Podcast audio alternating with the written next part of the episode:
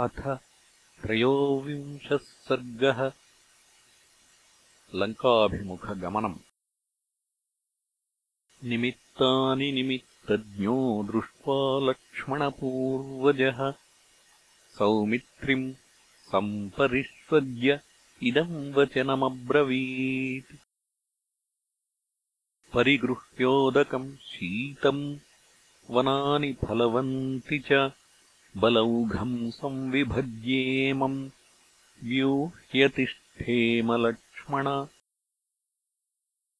लोकक्षयकरम् भीमम् भयम् पश्याम्युपस्थितम् निबर्हणम् प्रवीराणाम् रुक्षवानररक्षसाम्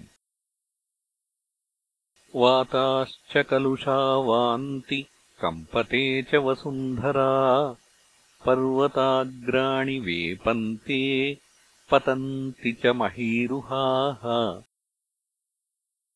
मेघाः क्रव्यादसङ्काशाः परुषाः परुषस्वनाः। क्रूराः क्रूरम् प्रवर्षन्ति मिश्रम् शोणितबिन्दुभिः। रक्तचन्दनसङ्काशा सन्ध्या परमदारुणा ज्वलतः प्रपतत्येतत् आदित्यादग्निमण्डलम्। दीनादीनस्वराः क्रूराः सर्वतो मृगपक्षिणः प्रत्यादित्यम् विनर्दन्ति जनयन्तो महद्भयम्।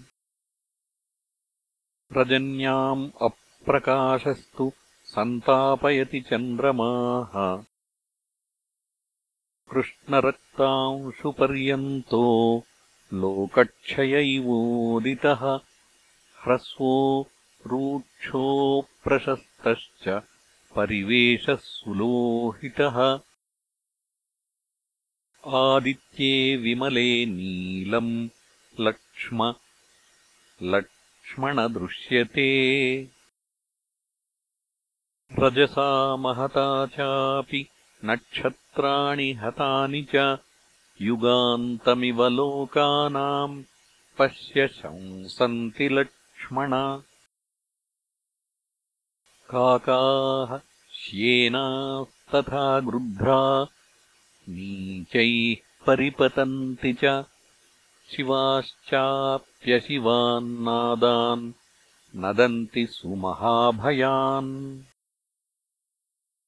शैलैः शूलैश्च खड्गैश्च विसृष्टैः कपिराक्षसैः भविष्यत्यावृता भूमिः मांसशोणितकर्दमा। क्षिप्रमद्यैव दुर्धर्षाम् पुरीम् रावणपालिताम् अभियामजवेनैव सर्वतो हरिभिर्वृताः इत्येवमुक्त्वा धर्मात्मा धन्वी सङ्ग्रामहर्षणः प्रतस्थे पुरतो रामो लङ्काम् अभिमुखो विभुः। स विभीषणसुग्रीवाः ततस्ते वानरर्षभाः। प्रतस्थिरे विनर्दन्तो निश्चिताद्विषताम् वधे राघवस्य प्रियार्थम् तु धृतानाम् वीर्यशालिनाम् हरीणाम् कर्मचेष्टाभिः तुतोषरघुनन्दनः